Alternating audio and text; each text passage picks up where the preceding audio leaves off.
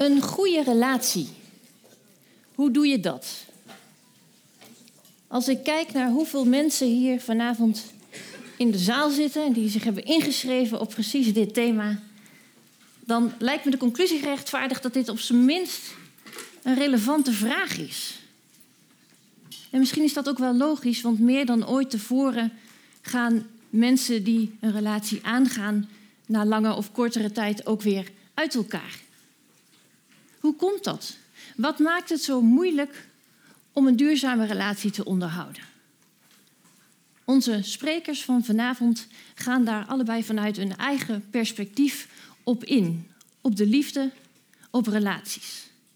Esther Kluwer onderzoekt onder meer welke factoren helpen om je relatie goed te houden. En Mark de Keesel bestudeert oude mystieke teksten over de liefde en vindt eigenlijk dat we vooral eens moeten ophouden met het moraliseren van liefde. Esther Kluwer is psycholoog en bijzonder hoogleraar duurzame relaties aan de Radboud Universiteit. Mark de Keesel is filosoof en directeur van het Titus Brandsma Instituut. En hij schreef verschillende boeken over de liefde. Het programma van vanavond is als volgt: twee korte lezingen van elk twee, eh, niet twee, van elk twintig minuten, gevolgd uh, door een gesprek. We beginnen zo dadelijk met Esther Kluwer en daarna is de lezing uh, door Mark de Keesel. En uh, ik zal de gespreksleider zijn bij het interview. En uiteraard is daarbij ook ruimte voor jullie eigen vragen. Van harte welkom op deze avond, georganiseerd door Radboud Reflect en het Titus Brandsma Instituut, het onderzoekscentrum voor mystiek en spiritualiteit. Mijn naam is Liesbeth Jansen, ik ben programmamaker bij Radboud Reflect. Leuk dat jullie er zijn. Ik wens jullie een hele boeiende avond en geef graag het woord aan Esther Kluwer.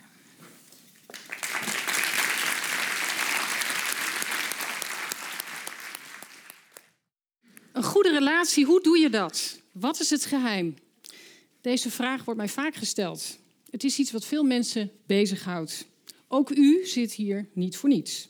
Een van de meest universele kenmerken van de mens, het aangaan van relaties, blijkt zoveel vragen op te roepen dat er een heuse markt voor is. Als je op bol.com zoekt naar boeken over relatie, krijg je meer dan 5000 hits. Het aantal datingsites, websites, fora over relaties is ontelbaar.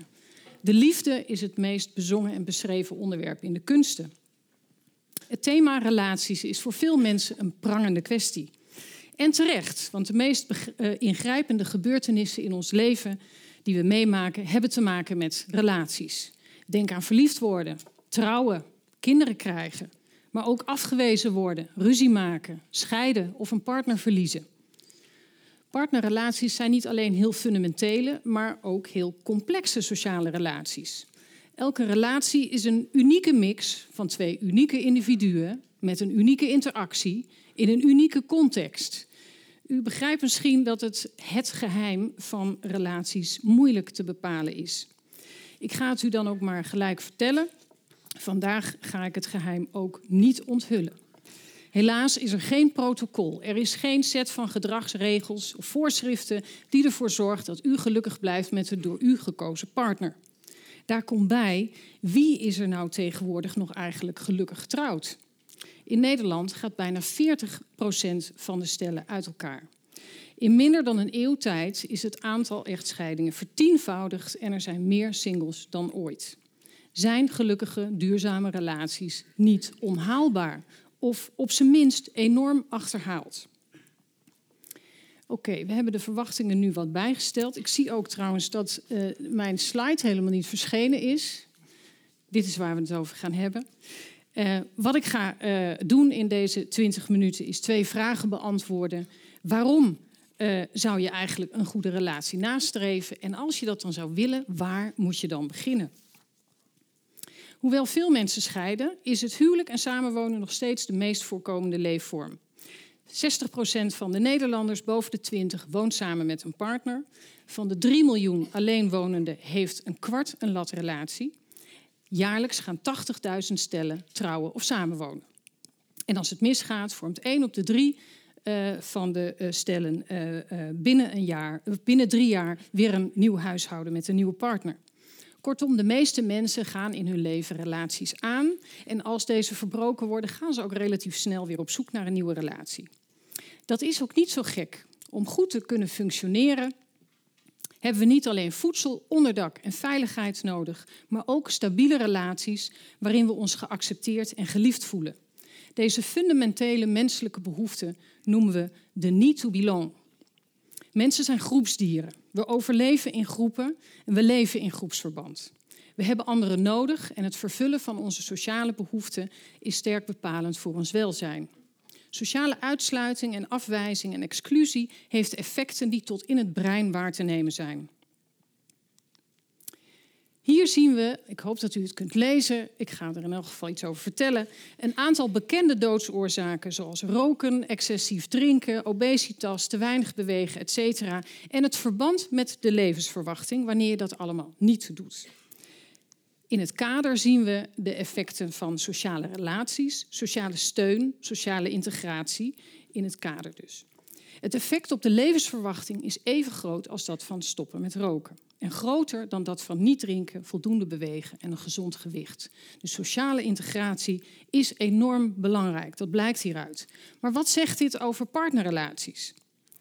Het CBS laat zien dat van de Nederlandse volwassenen met een partner maar liefst 92% gelukkig is.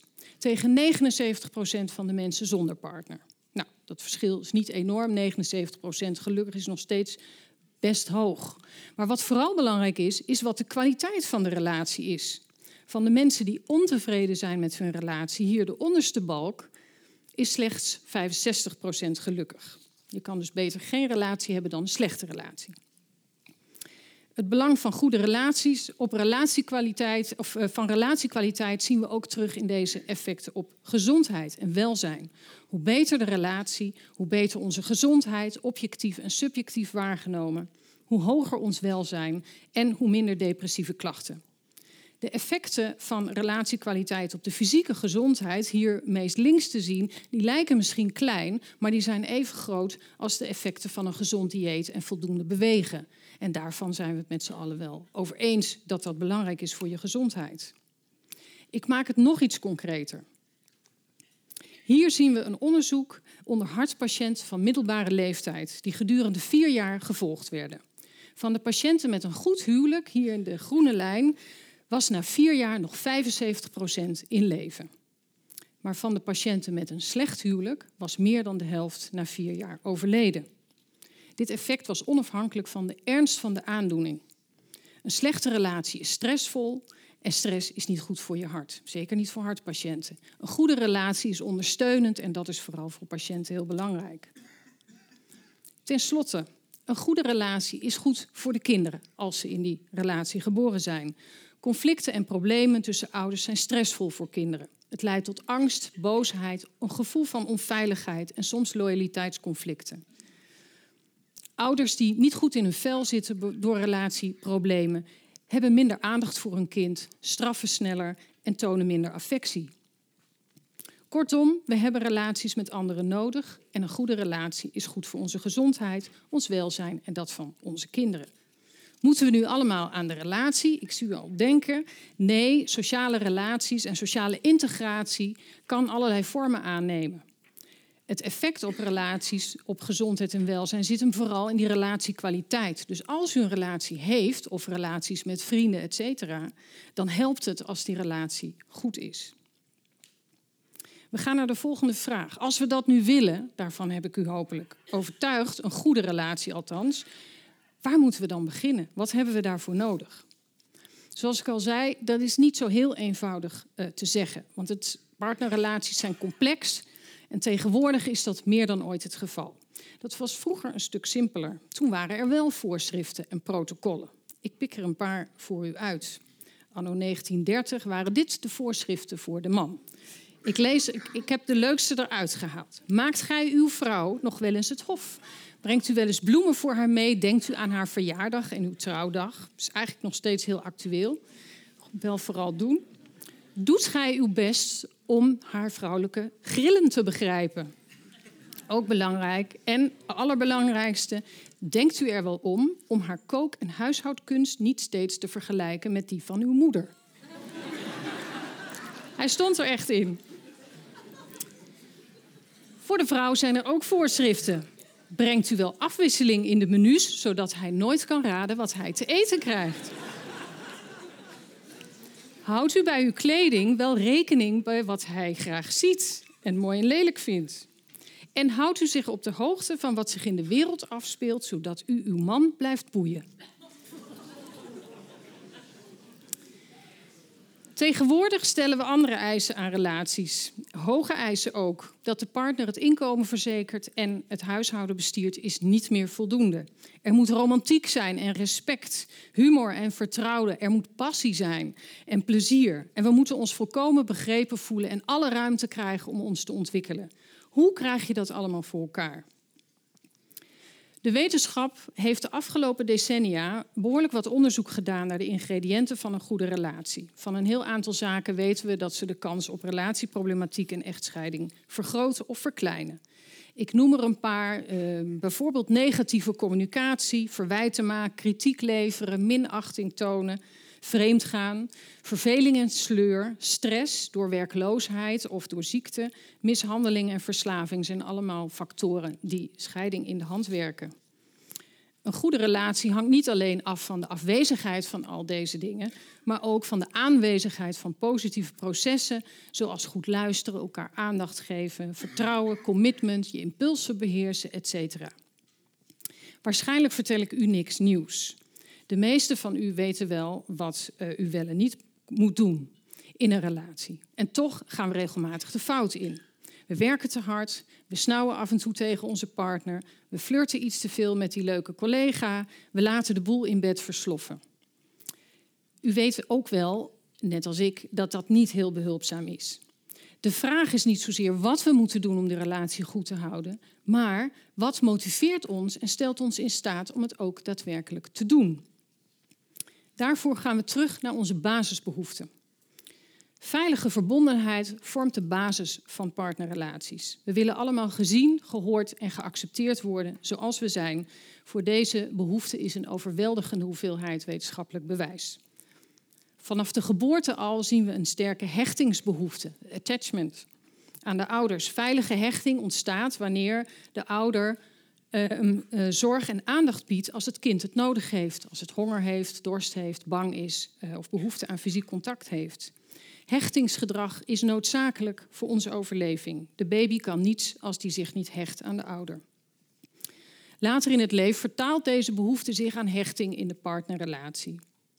Hechting is een hele belangrijke voorspeller en verbondenheid dus ook. Maar het kind heeft ook de behoefte om zich te ontwikkelen, de wereld te ontdekken, een identiteit te ontwikkelen, keuzes te maken.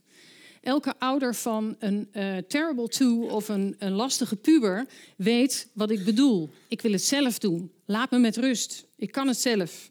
De ouder fungeert als veilige basis om de wereld te, ontwikkelen, te ontdekken en de identiteit te ontwikkelen. Dus naast de behoefte aan verbondenheid hebben we ook een behoefte aan autonomie. Dat betekent dat we vrij en zelfstandig kiezen wat we doen. Dat we ons niet te veel laten bepalen door wat anderen willen. Dat we ons niet onder druk gezet voelen om iets anders te zijn dan wat we werkelijk zijn. Ook dit is een fundamentele menselijke behoefte. Niet alleen in relaties, maar ook in ons werk. Als we te veel moeten doen wat anderen ons opdragen, dan raken we gefrustreerd en ontevreden. Autonomie en verbondenheid. Hoe doe je dat dan in relaties? Hoe kun je dat verenigen? Als we verliefd zijn, dan willen we niets liever dan helemaal één zijn met de ander. Onder invloed van dopamine voelen we ons euforisch en we willen alles doen om het de ander naar de zin te maken. En daarin gaan we soms voorbij aan onze eigen wensen en behoeften. Zij gaat kijken bij zijn voetbalwedstrijd, hij gaat mee naar een lezing over relaties, alles om de ander te pleasen. En dat is ook niet erg. In het begin van de relatie is dat goed om de relatie te ontwikkelen. Maar als die eerste verliefdheid geluwd is en de dopamine zijn werk gedaan heeft, dan blijkt dat we ook compromissen moeten sluiten, rekening moeten houden met de ander, omgaan met ergernis en slechte gewoontes. En dan komen autonomie en verbondenheid wel eens onder druk te staan. Wanneer er te weinig verbondenheid is, raken we onthecht. Wanneer partners langs elkaar heen leven of zich afsluiten voor elkaar. Alleen nog maar een gezin aan het runnen zijn of hun heil zoeken in het werk of misschien in een affaire. Wanneer er in de relatie te weinig uh, verbondenheid of te weinig autonomie is, raken mensen verstikt. Partners leveren zich uit aan de relatie, hun eigenheid verdwijnt.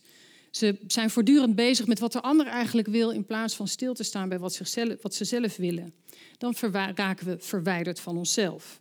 Veel relatieproblemen, als je ook met relatietherapeuten spreekt, hebben hun oorsprong in te weinig verbondenheid of te weinig autonomie. De kunst is dus om autonomie en verbondenheid te ervaren. Beide partners bewaren hun eigenheid in de nabijheid van de partner. Stevig op eigen benen in de relatie. Autonomie is niet hetzelfde als onafhankelijkheid. Lekker doen waar je zelf zin in hebt zonder rekening te houden met een ander. Autonoom gedrag betekent zelfsturend gedrag.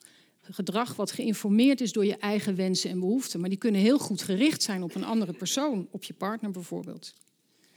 Om te onderzoeken hoe dit werkt in relaties heb ik samen met collega's eh, een aantal studies gedaan onder een grote groep mannen en vrouwen met een serieuze relatie. En we vroegen naar hun gevoelens van verbondenheid en autonomie en ook een aantal zaken over het functioneren van de relatie. En we vonden dat wanneer partners zowel autonomie als verbondenheid ervaren in de relatie, zij ook veel positieve relatieprocessen rapporteren. Bijvoorbeeld constructief conflictgedrag. Wanneer de autonomie goed ontwikkeld is, voelen partners zich verantwoordelijk voor zichzelf en leggen ze de schuld minder bij de ander. Ze betrekken het gevoelens van de ander ook minder op zichzelf en daardoor kunnen ze constructiever met conflicten omgaan. Ze kunnen de ander ook beter accepteren. Want ze zien de eigenschappen van de ander minder als een, iets wat met henzelf te maken heeft. En tenslotte waren gek genoeg, of opvallend genoeg, misschien niet zo gek, autonome partners ook tevredener met hun seksleven. Je partner is aantrekkelijker wanneer zijn of haar autonomie goed ontwikkeld is, wanneer hij of zij goed op eigen benen staat. Van te veel afhankelijkheid in de relatie of te weinig verbondenheid raken we niet opgewonden. Wat ons onderzoek dus laat zien is dat het en-en is wat eigenlijk goed is voor relaties in plaats van of-of. Tot slot, hoe doen we dat dan? Verbondenheid en autonomie ervaren in je relatie. Wat is er voor nodig om op eigen benen te staan in de relatie? Ten eerste intimiteit. Cruciaal voor een gevoel van verbondenheid. Laten zien wat je echt bezighoudt, dat met elkaar delen. En dan niet alleen de mooie buitenkant, maar juist ook wat zich aan de binnenkant afspeelt. Self-disclosure is belangrijk voor de verdieping van de relatie. Autonomie betekent dat we handelen naar onze eigen behoeften en wensen, maar die moeten we dan wel kennen en ook respecteren en dus durven uit te dragen en daar open over te zijn. En dat gaat niet zonder aandacht van de ander. Oprechte aandacht en interesse van de partner is ook enorm belangrijk. De tweede is neem verantwoordelijkheid. In een relatie ben je voor 50% verantwoordelijk voor de interactie die tussen jou en je partner plaatsvindt, of tussen jou en elke partner. Maar voor die 50% ben je 100% verantwoordelijk. Dat vergeten we gemakshalve nog wel eens. We verwachten dat onze partner het beste in ons naar boven haalt en ons helemaal gelukkig maakt. En we geven onze partner maar alle, graag de schuld wanneer dat niet uh, lukt. En dat is jammer, want onze invloedssfeer is maar zeer beperkt als het gaat om die andere 50 procent. Helaas is je partner veranderen een vrij hopeloze zaak. Je kan beter iets aan jezelf doen als je iets wil veranderen in de situatie. Dat betekent dus je eigen emoties reguleren en niet overreageren op de partner bijvoorbeeld. Mag je dan nooit eens uh, lekker ruzie maken, smijten met de deuren? Uiteraard, uh, dat is helemaal niet erg. Je mag best elkaar eens de waarheid zeggen en aanspreken op storend gedrag. Het probleem ontstaat wanneer destructieve interacties, zoals aanval, verdediging of eisen en terugtrekken, een patroon gaan worden en de overhand nemen. Vaak is het onderliggende probleem in dat soort interacties, ook van kritiek leveren en verdedigen, een schreeuw om verbondenheid of juist om autonomie.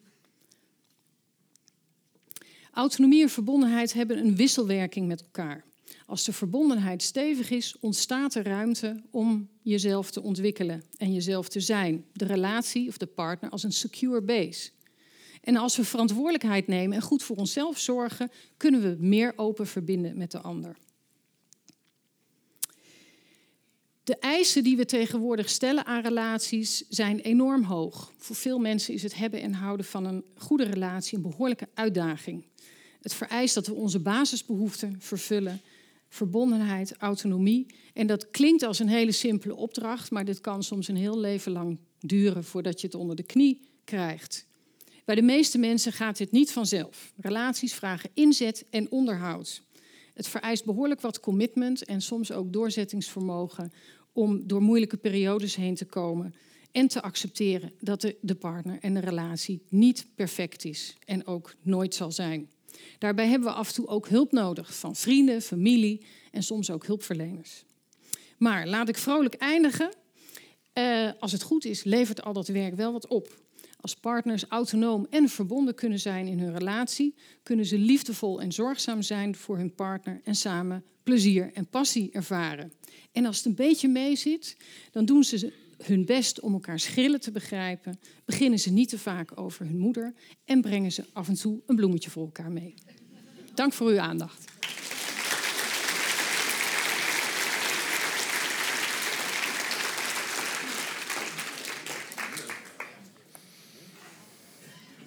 Oh, dat moet zo. En dat is met een. Ja, hij klikt. Oh, het klikt. En dan moet zo. Ah ja. En, ah, en hoe moet het? Ah, dankjewel. Zo. Werkt het? Nee? Toch wel? Misschien niet, misschien wel, toch wel. Dankjewel. Zo, wel aan dan. Um, ik ga jullie in een kort bestek iets zeggen over niet zozeer relaties, maar over liefde. Dus we gaan een, een ouderwets woord terug opdelven. En nog ouderwetser, zoals je aan de, de voorstelling kunt zien, ga ik die liefde opzoeken in zijn historische herkomst. Want als wij het woordje liefde gebruiken, dan, dan zijn natuurlijk uiteraard wij degene die dat woord gebruiken, maar in onze taal klinkt een hele geschiedenis mee. En die geschiedenis over de liefde is behoorlijk complex. Dus liefde is in het, in het westerse denken een van de moeilijkste woorden die er is.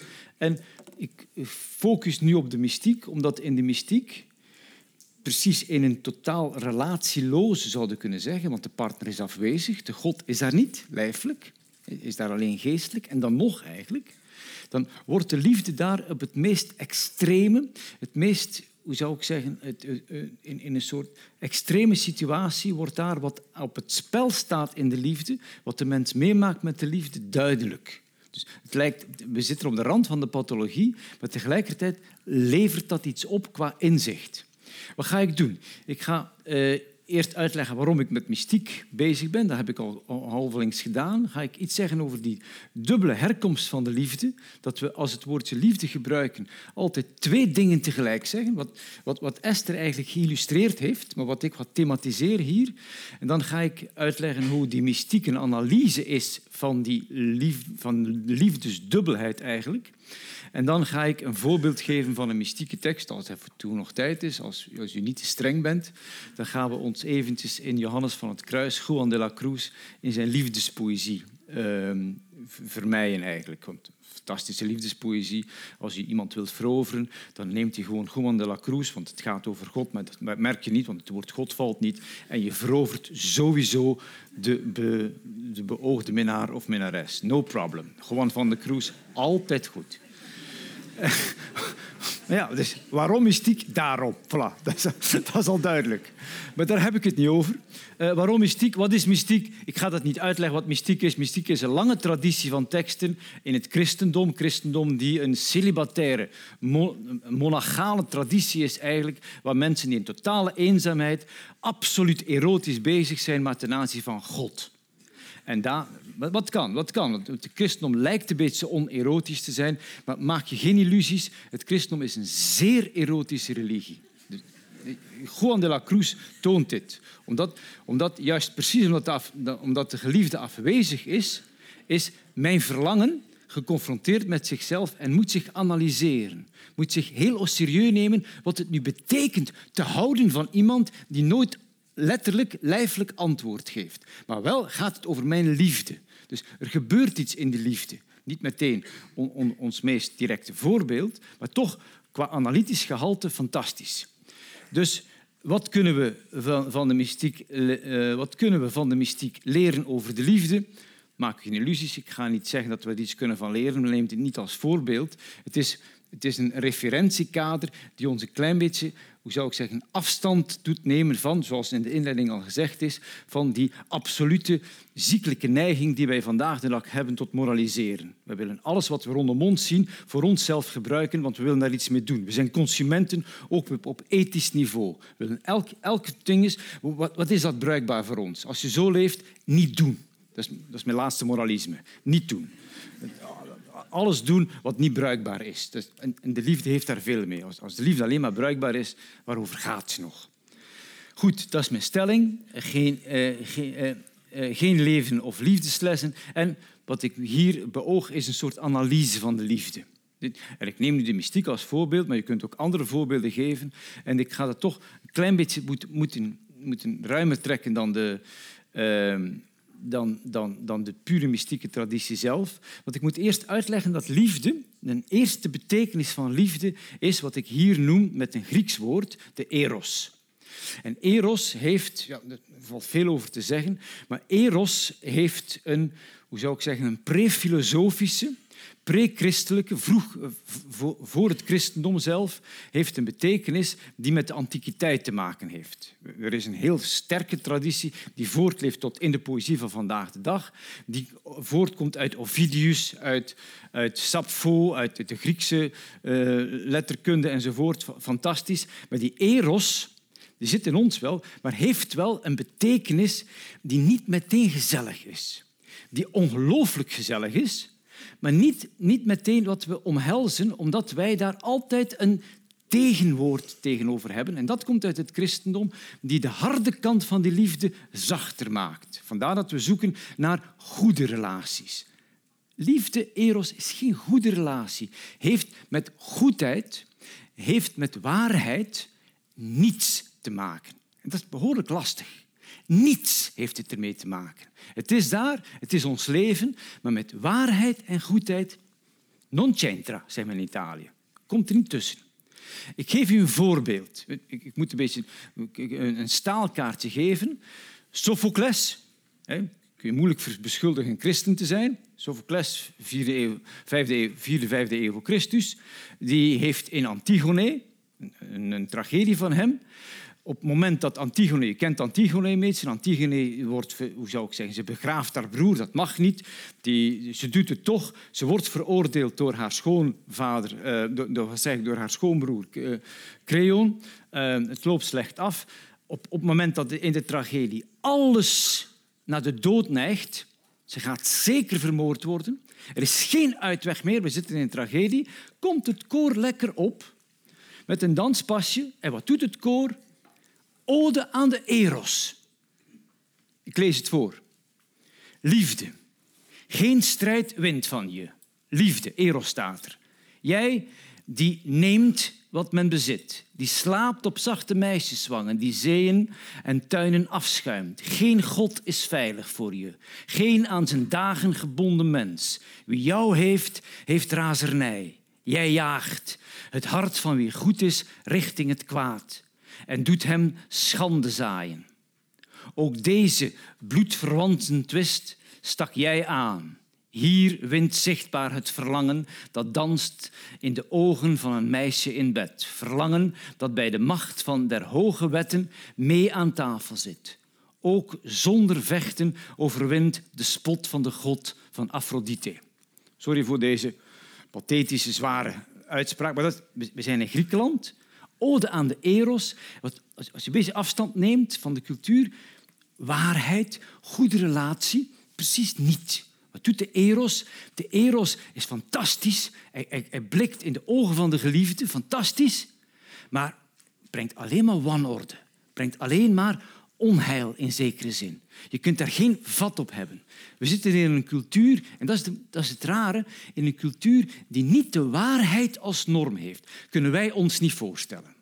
Dat er een cultuur is waar de waarheid niet het meest voor de hand liggende referentiepunt is. En dit is nogthans de herkomst van onze cultuur, want wij zijn erfgenaam van de antieke tijd. Pas de filosofie, pas het christendom hebben elk op hun manier waarheid binnengebracht. We krijgen hier eros zonder waarheid. Eros die, en nu, nu kan ik het voorbeeld geven, die in de godenwereld een god is. Let op, een god in de Griekse zin van het woord. Niet een waarheidsgod, niet de God van de zin van het leven, niet de God van de transcendentie, niet de God die ons tekort opheft. Nee, wat is die God? Dat is de zoon van Aphrodite, de zoon van Venus. Een geblinddoekt klein ettertje, waar geen, geen land mee te bezeilen valt, die twee soorten pijlen heeft, een gouden pijl en een loden pijl, en die schiet le. En als je dit zitten hebt, dan word je verliefd. En als je op iemand verliefd wordt en die heeft een lodenpijl in zich, gaat dat niet werken. En gaat je heel je leven verliefd blijven en is dat tragisch. Als je twee geliefden hebt met een gouden, met een gouden pijl, worden die verliefd op elkaar. En waar eindigt dat? Lees Ovidius in de verstening, want die liefde houdt niet vol. Met andere woorden, de liefde is fundamenteel tragisch, onmogelijk. Dus het antieke bewustzijn had een, een, een, een zin in de liefde, een soort, een soort bewustzijn van liefde, van de tragische kracht van de liefde. Wij hebben dat gelardeerd in onze cultuur met die twee andere grote tradities waar wij uit voortkomen, met name de filosofie en het christendom. Filosofie met Plato. Plato heeft dat soort eros aan de waarheid verbonden. Wat ons bindt aan de waarheid is liefde. Dat is ook typisch voor Plato. Ik, ik kan moeilijk aan wetenschap doen als ik geen verliefde ziel ben. Dat, dat, zegt Plato. Je je, je, moet, je moet getriggerd worden door de waarheid. Je moet, je moet in je verlangen aangespoord worden. Plato onder, onder, hoe zou ik zeggen, onderkent de, de, de, de, krachtige, pathetische kracht van de liefde, maar bindt haar aan de waarheid. Ik moet die sublimeren en uiteindelijk zal die waarheid een filia worden, een vriendschap worden voor de Sophia, filosofia. Het christendom zit daar heel dicht tegenaan. Het christendom is die soort ook zwaar door de filosofie beïnvloede Joodse traditie die dat messiaanse verwachtingspatroon van verwachting naar de Messias vervuld heeft op, eh, op, op die erotische wijze à la Plato.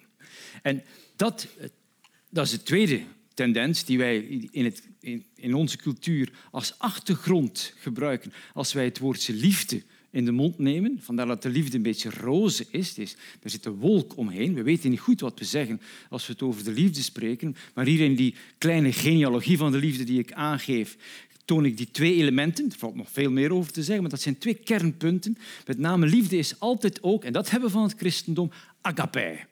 En agape betekent in het normale Grieks ook gewoon liefhebben, agapaan, liefhebben. Maar is in het christendom een heel technische term. Een technische term die wij meestal niet zo lezen. Bijvoorbeeld, in, in, als christenen huwen, dan lezen ze een tekst voor uit Corinthiërs. Ik lees hem eens voor hier. Hè. Als spreek ik met alle tongen van de engelen en de mensen, als ik de liefde niet heb, ben ik een galmenbekken en een schelle cymbaal. Al heb ik de gave der profetie, al ken ik alle geheimen van alle, en alle wetenschap, al heb ik het volmaakte geloof dat bergen verzet, als ik de liefde niet heb, ben ik niets. De liefde is langmoedig, goedertieren. De liefde is niet afgunstig. Ze praalt niet, ze beeldt zich niets in. Ze geeft niets om de schone schijn, zoekt zichzelf niet, laat zich niet, laat zich niet kwaad maken, rekent het kwade niet aan. Ze verheugt zich niet over onweg, maar vindt haar vreugde in de waarheid. Alles verdraagt ze, alles gelooft ze, alles hoopt zij, alles duldt zij. De liefde, je weet het allemaal, vergaat nimmer. Paulus, Korinterbrief. Top, dat spreekt ons aan. We vinden het misschien een beetje zacht, een beetje misschien religieus. Er zit een saus over. Maar aan de andere kant, als we het over goede relaties spreken. Wie wil dat niet? Een liefde die langmoedig is, waar we, waar we in de waarheid, waar we de ware Jacob naast ons hebben liggen en waar we de waarheid rondom ons als een sjaal van eeuwige vreugde hebben. Fantastisch. Dit heeft met eros niets te maken. Dat is het eigenaardige. We hebben dat laten verbonden met eros. Dit is een heel technische term. Dus als men dat op een huwelijksviering leest in christelijke ritussen, trekt nergens op. Gaat niet over. Gaat niet over eros. Want wat is liefde hier? Liefde is de staat waarin de christen zich bevindt. Sorry voor de technische uitleg, maar het christendom is gebouwd op een vervuld messiaschap, zo heet dat. De Joden hebben de wet. Als ik de wet volg, dan kom ik tot God.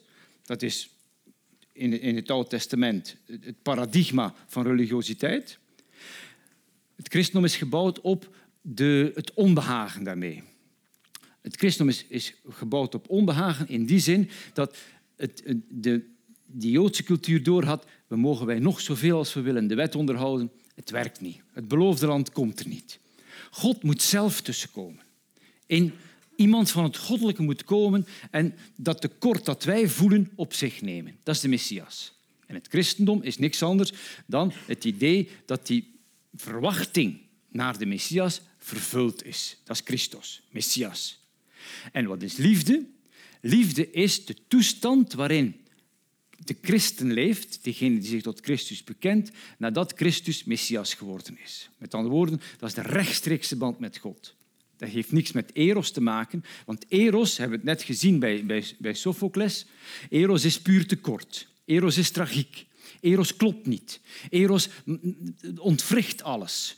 Hier is liefde het gewricht van de kosmos zelf, waar alles ineen klapt, waar alles fantastisch op elkaar inspeelt, want verlost wordt van het tekort. Dat is de liefde die het christendom in zich draagt. En wat is er gebeurd, om het heel kort te maken nu? Dat is dat, dat idee dat het christendom in de liefde leeft, dat leeft bij die eerste christenen. Maar die idee is natuurlijk onhoudbaar. Omdat als je leeft in de volmaaktheid, Let op, dat is ook een modern probleem. Dat hebben we in de 20e eeuw meegemaakt met alle ideologieën. Als je denkt dat je er bent, als je denkt dat je vervuld bent van al, en, en verlost bent van alle miserie van vroeger, zo zit de mens niet in elkaar. Er zit iets waars in die niet-waarheidstraditie van de eros. Dat de mens niet klopt, daar zit iets in. En als je denkt dat de mens klopt en volledig met zichzelf samenvalt, er klopt iets niet. En het christendom heeft moeten inbouwen dat er toch een verlangen, een onvervuld verlangen insluipt. En wat, is dat, wat heeft het christendom gedaan? Het christendom heeft aan de ene kant gezegd, Christus is de Messias. En aan de andere kant, tegelijkertijd, de Messias moet nog komen. Dat is hemelvaart.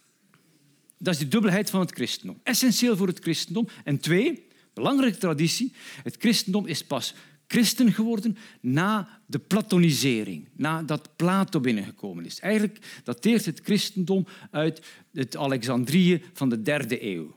Wanneer die midden-Plato-school, christelijk geïnspireerd als de filosofen daar zijn, het christendom nemen en dat Platoons vertalen. En Plato, van Plato hebben ze de eros overgenomen. En daar hebben ze gezegd, wij moeten verlangen naar het volmaakte Nieuw Jeruzalem. Verlangen naar de goede relatie tussen alle mensen. Veel ruimer dan de eros. En wij zijn erfgenaam van die twee. Dus als wij over liefde onze mond open doen, zeggen wij die twee tegelijk. Zeggen wij altijd en vervuld en onvervuld. Van, van, en vandaar dat, dat, dat wij gefascineerd zijn door de liefde, dat wij van de liefde en tegelijkertijd zoveel verwachten, maar zeer veel voeling hebben, anders zouden we geen romans lezen, anders zouden we niet voor literatuur vatbaar zijn, anders zouden we geen films zien. We zijn vatbaar voor dat antieke, tragische model van de liefde. En die twee gaan samen op een tragische manier, want het is even tragisch dat mijn praten nu ophoudt, want het is tijd, denk ik. En dus de liefde is tijdelijk, tot en met. Dank u voor uw aandacht.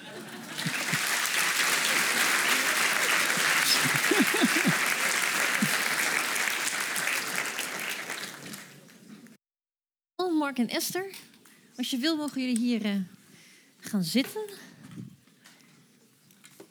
Ik vraag even aan die mevrouw van wie dat microfoontje is. Er is een mevrouw in de zaal die kan niet zo goed horen. Is het fijn als ik hem nu omdoe? Ja, u nog mijn schrift? Ah ja. Dankjewel. Dankjewel. Zo. Nou, ga lekker zitten. Dank jullie wel allebei voor twee hele verschillende en twee keer heel mooie uh, verhalen.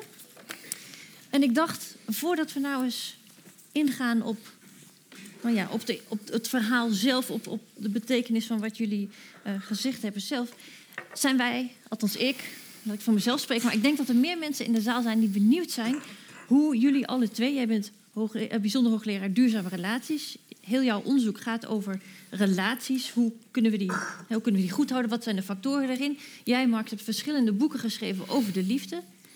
Waarom? Waarom de liefde? Waarom relaties? Wat fascineert jullie daarin? Ladies ja, mag ik bij jou? ja, waarom is deze zaal uitverkocht? Ja. Het is een thema wat uh, gewoon ontzettend boeiend is. Ik ben natuurlijk als eerste psycholoog en ben geïnteresseerd in wat mensen beweegt en hoe mensen zich gedragen. En dan is de partnerrelatie natuurlijk de vorm waarin ze dat op meest uh, ja, geconcentreerde wijze doen, mm -hmm. uh, bijna.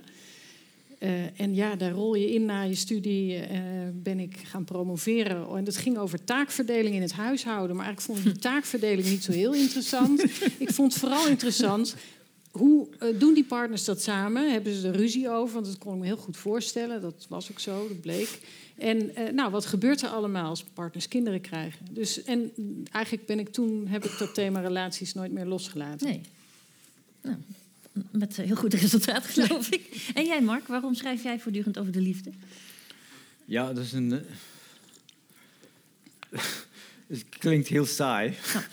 Nou, nou, wel, ik, ben, ik ben geïnteresseerd in de liefde omdat ik geïnteresseerd ben ook in, de, in een sociologisch onderwerp, namelijk in, de, in het giftparadigma.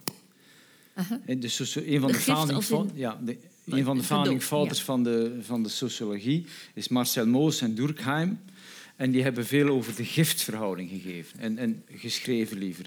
En als je over mensen nadenkt, en ik ben vooral bezig met moderniteit.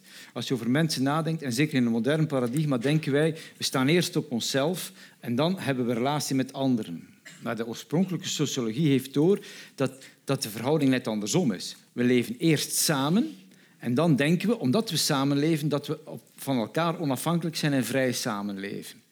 En in die primitieve, tussen aanhalingstekens of archaïsche samenlevingen, is samenleving datgene wat gefundeerd wordt door een fait totaal sociaal, door een, een, een, een totaal feit die de gift is. Mensen geven elkaar dingen. Wat, wat heel actueel is. De, de, onze mediacultuur is, is daar fantastisch door. We bestaan maar als adressant, als adressaat liever, van een, van een communicatie. We zijn het object van een gift. En op basis daarvan bouwen we onze identiteit op. En, liefde, liefde? liefde heeft er alles mee te maken. Want als je zo naar liefde kijkt, is liefde een verhouding tussen twee mensen van gift. Maar een gift die precies geeft wat niet van mij is. Want als ik liefde geef, dat is niet mijn liefde. Liefde is geven wat ik niet heb. Dus ik heb iets, ik geef liefde, maar als de partner van mij vraagt, geef mij wat je gegeven hebt, want je moet je dat bewust doen, I can't. Ik kan dat niet geven. En dat, dat, dat, is, dat is het geweld in de liefde. Als een partner van mij eist dat ik haar of hem geef wat ik haar gegeven heb in een moeilijke situatie, daar, daar zitten we echt in moeilijkheden. Ja. Esther, ik zie jou knikken. Herken je dat uit je onderzoek? Dat liefde niet iets is wat... Nou ja, wat Maar je... bedoel je dan dat je er niet om moet vragen, maar dat Ja, je het eh, moet... dat- Dat liefde krijgen? een gift is, maar dat je datgene wat je geeft niet van jou, vanuit jouw kant beheerst. Eh, Om het religieus te zeggen, er zit een genade in de liefde. Het moet klikken. Ja, Maar ja, maar dat is, dat is makkelijk gezegd, het moet klikken. Maar, maar eer we die klik verstaan, dat is niet min die klik. Hè? Want ik geef iets dat niet van mij is. En, en- pas bij een, bre- bij een brekende relatie word ik gewaar dat ik iets moet geven dat ik niet kan geven. En dan ontstaat er geweld in de relatie. Ja. Dan, dan word ik verkracht. Ja, maar let- letterlijk, hè, dat is de verkrachting in het huwelijk. Een verkrachting in de relatie. Dan, dan eist mijn partner van mij iets dat ik gegeven en ik kan het niet geven. Ja. En hoe meer hij het doet, hoe meer hij die relatie onmogelijk maakt. Ja. Dus die relatie leeft van iets dat aan mijn individualiteit vooraf gaat. Mijn ik gaat eraan vooraf. Dus elke poging vanuit mijn ik dat te beheersen, faalt. Helder. En daarom mijn fascinatie voor de Griekse eh, paradigma. Excuseer. Oh, dat was het. Dus Ja, ik ga, ik ga vanaf hier toch gewoon even heel concreet terug naar, naar onze alledaagse relaties. Ehm, en ik vroeg me af, eh, je zei het al, Esther, aan het begin van jouw lezing, steeds meer mensen ga- gaan uit elkaar. Bijna één op de vier relaties eh, strand, eh, vroeger of later. Ehm, nu leven we natuurlijk in een, in een samenleving, in een tijd waarin eigenlijk niks voor eeuwig is. Hè? We doen ons werk zolang we dat leuk vinden. We doen deze sport zolang we het leuk vinden. Is het niet ook een kwestie. Want- Maar, maar als, we, als we een relatie aangaan, en zeker als we trouwen, is het nog steeds tot aan het einde der tijden, tot de dood ons scheidt. Ehm, is het niet ook een kwestie van nou ja, dat we dat paradigma ook maar eens moesten gaan toepassen op de liefde? Zou ons dat niet, niet een hoop ellende besparen als we zouden denken, nou, de liefde, dat doen we ook gewoon zolang het leuk is? Ja, dat, nou, dat zou je al zeggen. Ik denk dat we het ook wel tegenwoordig ongeveer zo doen. Mhm. Want mensen die het niet meer leuk vinden, gaan uit elkaar. Maar je ziet wel aan, het, aan het, de, de, het verdriet en wat gepaard gaat met uit elkaar gaan. Of Ja. het nou een echtscheiding is of gewoon uit elkaar gaan. Of eh, na een verliefdheid eh, er weer mee ophouden. ehm, dat dat vrij heftig is. Dus die, die, die dwang of drang of behoefte om te binden Ja. is, is heel sterk. En ook wat ik zei, we gaan toch vrij snel weer op zoek naar het nieuwe. Dus Ja. We, we zijn ergens, en misschien is dat wel de onmogelijkheid van de liefde en van, van Eros, van de, het on- totaal onvervulde. Maar we zijn altijd op zoek daarnaar en soms vinden we het niet. En dan gaan we weer verder zoeken. Ja. Maar komt het verdriet en de frustratie van bijvoorbeeld inderdaad een scheiding niet ook voort uit het feit dat we, dat we het ervaren als falen, omdat we vinden dat het eigenlijk voort had moeten duren? Ehm, ja, dat zou kunnen. En dat is natuurlijk vaak voor kinderen ook heel verdrietig. En dat maakt het voor ouders ook weer heel erg moeilijk en verdrietig en belast van schuldgevoelens, et cetera. Ja. Maar ik denk dat er ook. Mensen gaan echt door een rouwproces Ja. als ze uit elkaar gaan. Dat is ook los van, van of er kinderen zijn Ja. of niet. Het, het verbreken van relaties is een van de heftigste dingen die je, die je meemaakt eh, na het verliezen van een partner. Ja. ja. Maar vind jij dat liefde bestaat bij gratie van duur? Of kan de liefde van een weekend ook al echt liefde zijn? oh, ik dacht het ligt dat in het een moeilijke verlengde vraag. van Ja, wat is te Het is zeggen. geen eenvoudige vraag. Nee, want ik dacht nu, ja, de, de liefde heeft iets onvoorwaardelijks. Uh-huh. En wij vullen die onvoorwaardelijkheid onmiddellijk in met eeuwigheid. Ja, Dat is filosofie. ja. Ik antwoord bijbels. In de Bijbel staat ergens, want sterk, het, het, het is het hooglied. Een hooglied is een, is een, liefdes, is een, een huwelijkslied eigenlijk, een verzameling van liederen. En daar staat, sterk als de dood is de liefde. Wat wij meestal lezen als sterker dan de dood is de liefde. Dat is christelijk. Het christendom overwint de dood. Maar de dood is voor de antieke mens een absolutum. Dus er zit iets absoluuts in de liefde. Dat is ook zo. Of dat je nu met eeuwigheid invult of met, met dood invult, er is iets heel absoluuts. Maar als je het met dood invult, heb je een absolutum waar je geen vat op hebt. Waar, je, waar, je, waar je aan ontsnapt. En ik, dat moet je wel op serieus nemen. De echte liefdesverhouding is, ja, is, is meer dan eeuwig, is, is sterk als de dood eigenlijk. Dat, dat absolutum is er wel. En vandaar dat in, in de literatuur liefde en dood samengaan, omdat die, die twee absoluta bij elkaar te maken hebben. Maar kan dat absolute ook bestaan in een relatie die maar kort duurt? Kun je ook nou ja, dat, dat de hele onvoorwaardelijke ervaren in een relatie die maar drie maanden duurt? Ik weet dat niet. Oh. maar ja, nee, ik bedoel, in de literatuur bestaat dat, omdat men dan sterft. Hè? Ja. Nou ja, ik Dus denk, Tristan sterft. Hè? Ja. Tristan en Isolde. Ja. En dat kan wel. Dat kan, Ja. dat kan een seconde duren en dan sterft men direct. Ja. Maar of dat in, het, in de ervaring kan... Ja. Ik ben altijd een beetje bang van ervaring, omdat... De, de, ik ben te bang om naar ervaring te verwijzen, want wij moeten de ervaring die we meemaken met woorden benoemen die de onze niet zijn. Dus wij denken, de, de, de, de grootste mythe is natuurlijk wel dat wij ervaren iets, we nemen de taal en we denken dat wij beheersen wat wij ervaren. Ik geloof daar niks van. Niets. Maar echt, nee, wij, wij, wij, wij, dat zijn elementen die we plukken, copy-paste als we zijn, uit, uit, uit onze cultuur. En dan, dan maken we daar iets van. Ja. Ja. Maar- maar- Maar goed, dat is een andere kwestie. Ja. Esther, jij nou, ik denk, je vraagt, ja. kan het ook in een, in een korte relatie? Ja. Ik denk als we het hebben over verliefdheid, hevige verliefdheid... Uh, dat is een soort verslaving aan de ander. Uh, daar speelt dopamine, hè, is een, echt, ook echt een, een, heeft een verslavend effect, zeg maar dat dat wel kan voelen als een soort onvoorwaardelijke liefde die mhm. er in een week kan zijn mhm. en ook na drie maanden weer over kan zijn, mhm. maar wel erg voelt als een, een heel onvoorwaardelijke liefde. Waar je bijna door beneveld uh, bent. Uh, en op een gegeven moment dooft dat allemaal uit. In, als je bij elkaar bent. In de meeste relaties blijft die passie, zeg maar, die verliefdheid niet eeuwig, hangen. En dan, ja, dan is de vraag, komt daar iets anders voor in de plaats? En heeft dat meer met agape te maken? Of met, mm, nou ja, je hebt ook hè, met commitment. Met, ja. Uh, ja, want je stipt een interessant punt aan, denk ik. Het verschil tussen verliefdheid en liefde. Zou jij zeggen, dit zit vooral in de dopamine? Of in de, hè, de lichamelijke aantrekkingskracht? Alleen maar, nou ja, als psycholoog zijn we geneigd om dan ook naar die hormonen te kijken en, enzovoort. Dus uh, ik denk dat... En je hebt nog een andere oxytocine. Die is mhm. heel belangrijk voor hechting en, en binding. Um, maar er zit wel een verschil natuurlijk in. Het is niet alleen maar hormonaal. Want we hebben natuurlijk ook allerlei beelden erbij. En we geven er woorden aan en, en betekenis. Um, maar het, zijn wel, het, het, is misschien het vervulde en het onvervulde verlangen wat, mm -hmm. wat er ook in, in mm -hmm. naar voren komt. He, de verliefdheid is eigenlijk is dat verlangen altijd onvervuld. Je wil meer, meer, meer met die ander en bij die ander. Je wil ja. samensmelten, zeg maar. Ja. En in de, in de liefde is het soms ook gewoon, ja, die ander die is er, die geeft zekerheid en veiligheid. En dat heeft meer met commitment en hechting te maken. Ja, ja. Ja, Mark, en dan gaan mensen dat, natuurlijk die verliefdheid weer missen. En dan denken ze, ja, is dit nou alles? En dan komt er iemand anders langs. Of nou ja, dan krijg je, het begint het hele gedoe weer opnieuw. Ja.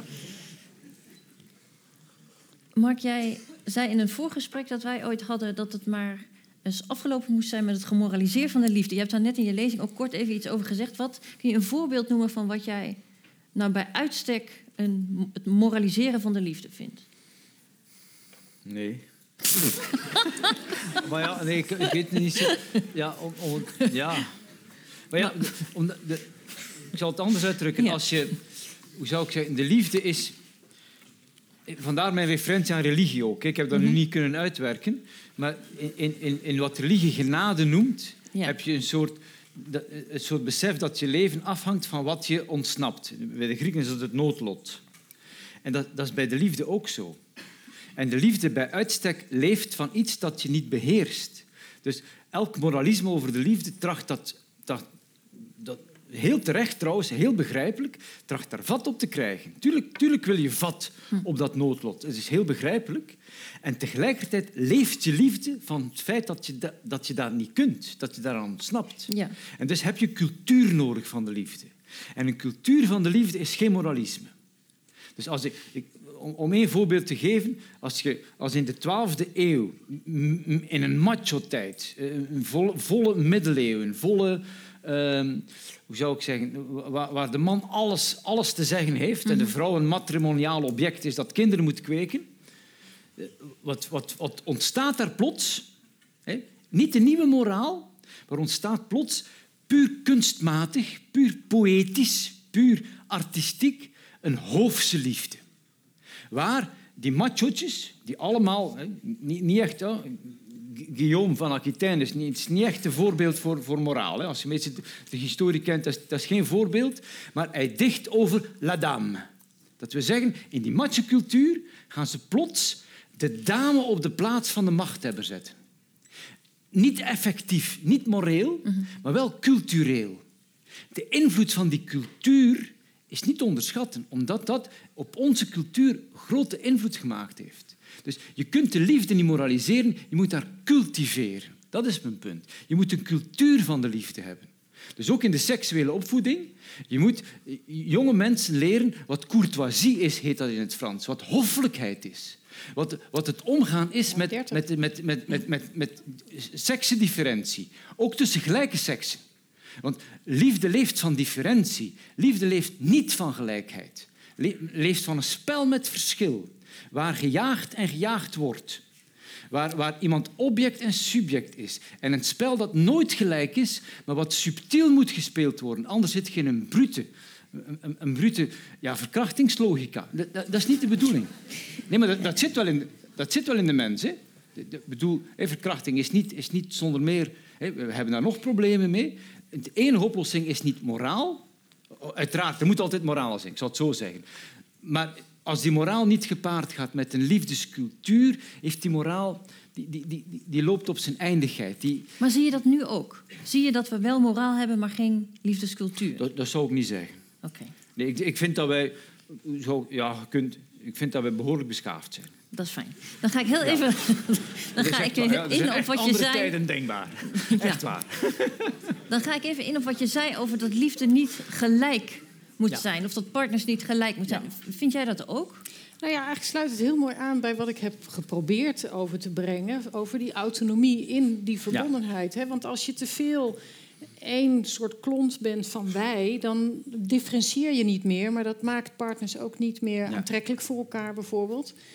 Um, en je hebt juist die verschillen wel nodig die ook soms heel ingewikkeld zijn om te overbruggen. Maar je hebt ze ook nodig om elkaar weer als ander mens te zien die, ja, die, ja, die, je, die je begeert, bijvoorbeeld. En als je dat te weinig uh, overhoudt in je relatie, dan verdwijnt de passie. Dus dat is ook wel een theorie die, uh, die juist zegt van ja, dat hebben, we, dat hebben we nodig. Ja, maar ik zou zeggen, als, je, als er geen gelijkheid is, dus als je niks hebt wat je samen leuk vindt om te doen, bijvoorbeeld, of dat je denkt, goh, je begrijpt mij als ik zeg dit of dit. Ja, nou, het blijkt eigenlijk dat gelijkheid vooral in het begin heel belangrijk is. Mm dus als mensen elkaar tegenkomen, is dat heel snel... oh, we hebben een klik, we vinden hetzelfde leuk, dezelfde muzieksmaak... of we gaan ook, uh, nou ja, dit of dat. Maar dat is vooral omdat het heel veel zekerheid biedt... dat die ander jou ook leuk vindt. Mhm. dus uh, je, ja, je snapt elkaar. Ja. Dus weinig conflict. Ja. Maar alles maar overal hetzelfde overdenken... en alles hetzelfde doen is niet altijd heel uh,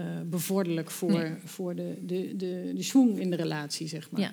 Maar het gaat hier ook vooral, want geen enkel mens is hetzelfde. Dus het gaat ook vooral om te differentiëren binnen die relatie, wat belangrijk is. Ja. Ja, want nu zitten we in een soort leuke overlap tussen liefde en relaties. Uh, want luisteren naar jullie verhalen dacht ik interessant. Jij hebt het vooral over relaties en het woord liefde is niet gevallen. Jij hebt het met name over de liefde gehad en relaties. Ja. Kunnen we die dingen zonder elkaar denken? Kunnen we liefde denken zonder relaties en omgekeerd? Nou, er zijn relaties waar, die niet, waar liefde niet een hele grote rol speelt. En dat was vroeger natuurlijk heel vaak zo. Um, dat is niet per se slecht, maar mm tegenwoordig, dat zeg je al, we stellen ook, uh, we, we, moeten, we willen ook van alles in een maakbare samenleving. Ja, we moeten, er moet veel liefde zijn en passie en we moeten elkaars beste vriend zijn en sparringpartner, et cetera. Ja.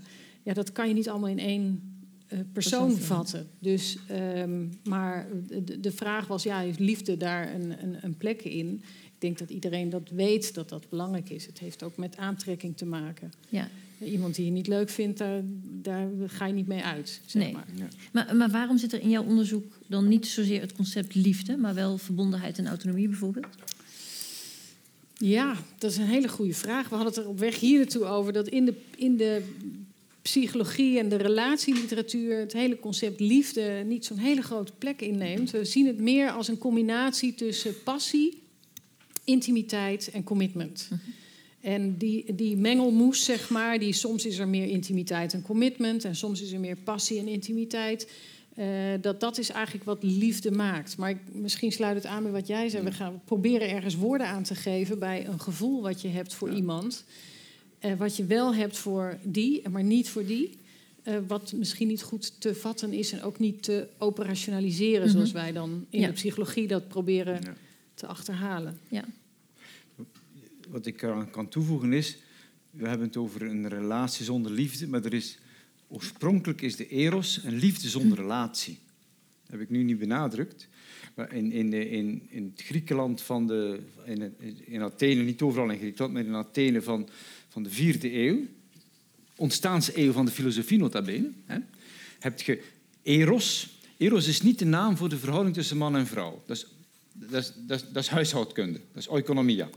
Wat thuis gebeurt, Eros is de naam voor een publiek, een publiek beleefde liefde. Een liefde in de openbare ruimte. Niet tussen man en vrouw. Tussen een baardige en een baardeloze. Sorry voor de technische uitleg, maar letterlijk zo. Tussen een man, een vrije man en een vrije knaap.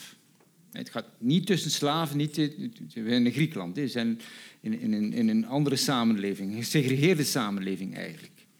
En de, de liefde, eros, is echt een naam voor het feit dat die baardige man houdt van een knaapje. Hij gaat naar het gymnasium, dat betekent naaktloperij, want ze doen naakt aan sport. Kijkt naar het mooie fluitje van die man, van de jongetje, vindt dat ongelooflijk en is helemaal wild daarvan. Publiekelijk, hè? Publiekelijk. En bouwt dan een verlangensrelatie naar die man, naar die jongen op. Die mag niet geconsumeerd worden. Dus voor de Griek is de, de, de homoseksuele act absoluut negatief. Nee, die, die knaap die moet juist verleid worden om aan die verleiding te weerstaan. Wat is de achtergrond? Gesegregeerde samenleving. Je hebt eh, letterlijk aan de ene kant vrouwen, slaven en kinderen. Dat zijn object van zorg. En je hebt de man die zorger is, die subject van zorg is. Hij is de Aristos, hij heeft de deugdzaamheid, hij heeft de kracht, de virtus in het Latijn, om kracht te geven aan diegenen die het niet kunnen. Maar de knaap die moet van het passieve naar het actieve gebracht worden. Dus hij moet eigenlijk verleid worden, passief, om verleider te worden. Dus hij moet daar naartoe gebracht worden. Die relatie, dit is eros. Dit is, natuurlijk zijn er natuurlijk gevallen van penetratie, van perversie, maar in het ethos, dat in de code die rond, rond die cultuur heerst, is wel degelijk, de, de, de, hoe zou ik zeggen, is daar een zekere ethiek aan, aan ten grondslag. Je, je moet van een, van een man, van een knaap die nog niet man is, die nog niet vrij is, een vrije man maken. En daarop, in tweede instantie... Dat doe je door, door hem bloot te stellen aan verleiding. Ja, ja, ja. dat is heel eigenaardig. Hè? Want je moet weten, die Grieken zijn allemaal macho's. Hè? Dus, dus de Aristoi, dat zijn mannen die... Zij zijn de beste. En, en zij zijn de democratische dragers. Hè? Allemaal, allemaal, allemaal macho'tjes, hè? die allemaal familie en slaven achter zich hebben. En die, wat doen die? Plots gaan die helemaal verliefd worden op een knaapje. Dus die worden helemaal passief. Die laten zich doen. En dat, dat, dat brengen ze in cultuur. En in die cultuur is filosofie ontstaan. ja, grote stopsnelheid. Dus, ja, dus vertrouw geen filosoof. maar als we dat dan, als we dat dan even proberen te linken aan onze huidige context. En zeggen liefde is misschien voor een deel, of in ieder geval eros is voor een deel, aantrekkingskracht waar je niet aan toe moet geven. Ja. En als jij dan zegt, veel relaties gaan mis, onder andere omdat mensen vreemd gaan. Kunnen we dan iets leren van die oude Grieken? Dan zeggen, nou, het is wel leuk om te flirten, maar je moet er vooral niet te veel mee doen. Nou, dat heeft ook te maken met wat je daarover hebt afgesproken in de relatie. Dat is waar. we zijn, eh, er zijn steeds meer mensen die ook uh, meerdere partners hebben... of het oké vinden dat partner relaties aangaat met anderen... of alleen seksuele relaties. Dus het is, daar komt die norm en uh, natuurlijk heel sterk in naar voren... dat we wij hebben veel mensen spreken af met elkaar. En dat is maatschappelijk ook wel zo. Maar ik denk ook dat het wel een kenmerk is van hè, dat we graag exclusief willen zijn voor die ene partner. Mm willen wij dat of willen wij dat vooral van de ander? Ja, dat is een goede vraag. Maar dat heeft. Hè, dat, zoiets als jaloezie is er natuurlijk ook niet voor niks. Ja. En, hè, er is nog een hele andere theorie, de evolutionaire theorie. En die zegt: ja, natuurlijk worden we jaloers. Want uh, als mijn partner gaat investeren in iemand anders. Uh, dan uh, is dat niet goed voor, mijn, voor het kind wat wij hebben. Of als mijn vrouw seks heeft met een andere man, dan ga ik straks misschien het kind van een ander opvoeden. Dus er zijn ook allerlei redenen om, om jaloers te zijn en om die exclusiviteit te willen. Maar hij is ook zeker natuurlijk maatschappelijk gezien en, en vanuit allerlei andere normen en waarden ontstaan. Ja. Um, maar daarin zie je natuurlijk wel dat eh, vreemdgaan komt ontzettend veel voor. Dus, en het is ook een hele belangrijke reden om uit elkaar te mhm. gaan. Dat mensen wel daarmee uh, strijd hebben, zeg maar. Of een, een, een ja, uh, het soms Ja. lastig vinden om daarmee om te gaan. Van die, die binding te blijven houden en toch af en toe het verlangen te hebben Ja. ehm, naar anderen of Ja. naar spanning of naar iets wat Ja. ze niet kennen. Of, Ja. ja. Ja. Ja. Ik wil er iets- misschien iets politieks aan toevoegen. De vraag is, kunnen we iets leren van de, van de liefde? Ja. Als je dat nu persoonlijk ziet, heb je direct een moralisering. Maar politiek is dan niet onbelangrijk. We leven in, in de 20e eeuw, met de seksuele revolutie. Ehm, we, we hebben in onze cultuur de erotiek vrijgesteld. Wat bedoel je daarmee? Dat betekent dat de erotiek ontrokken is aan de matrimoniale verhouding, waar gezinnen zich, en, het bezit voortgeplant worden en waar, waar huwelijk geregeld worden. Je bedoelt in, in, in huwelijken geen Ja. erotiek? Ja, nee, nee, Nee? Ik, ik bedoel daarmee dat wij in onze cultuur een plaats ingeruimd hebben voor erotiek in de openbare ruimte. Die niet beheerst wordt door de dragers van die cultuur. Ik zeg dat in, om- omdat wij uit de mediterraanse cultuur komen, waar de islamachtergrond mee speelt. hè, waar erotiek, precies door het sluiergebruik, eh, wordt, wordt de vrouw in het gunaika gehouden. Wordt de vrouw in het vrouwenhuis gehouden. Wij hebben erotiek op de openbare ruimte geplaatst. Ja, maar dan moet je even zeggen waar je dat, hoe je dat ziet. Wat is die erotiek in de dat er openbare bloot is, op de, ruimte? dat, dat er verleiding is, op de, dat, dat de vrouw seksueel verleidend Mag zijn.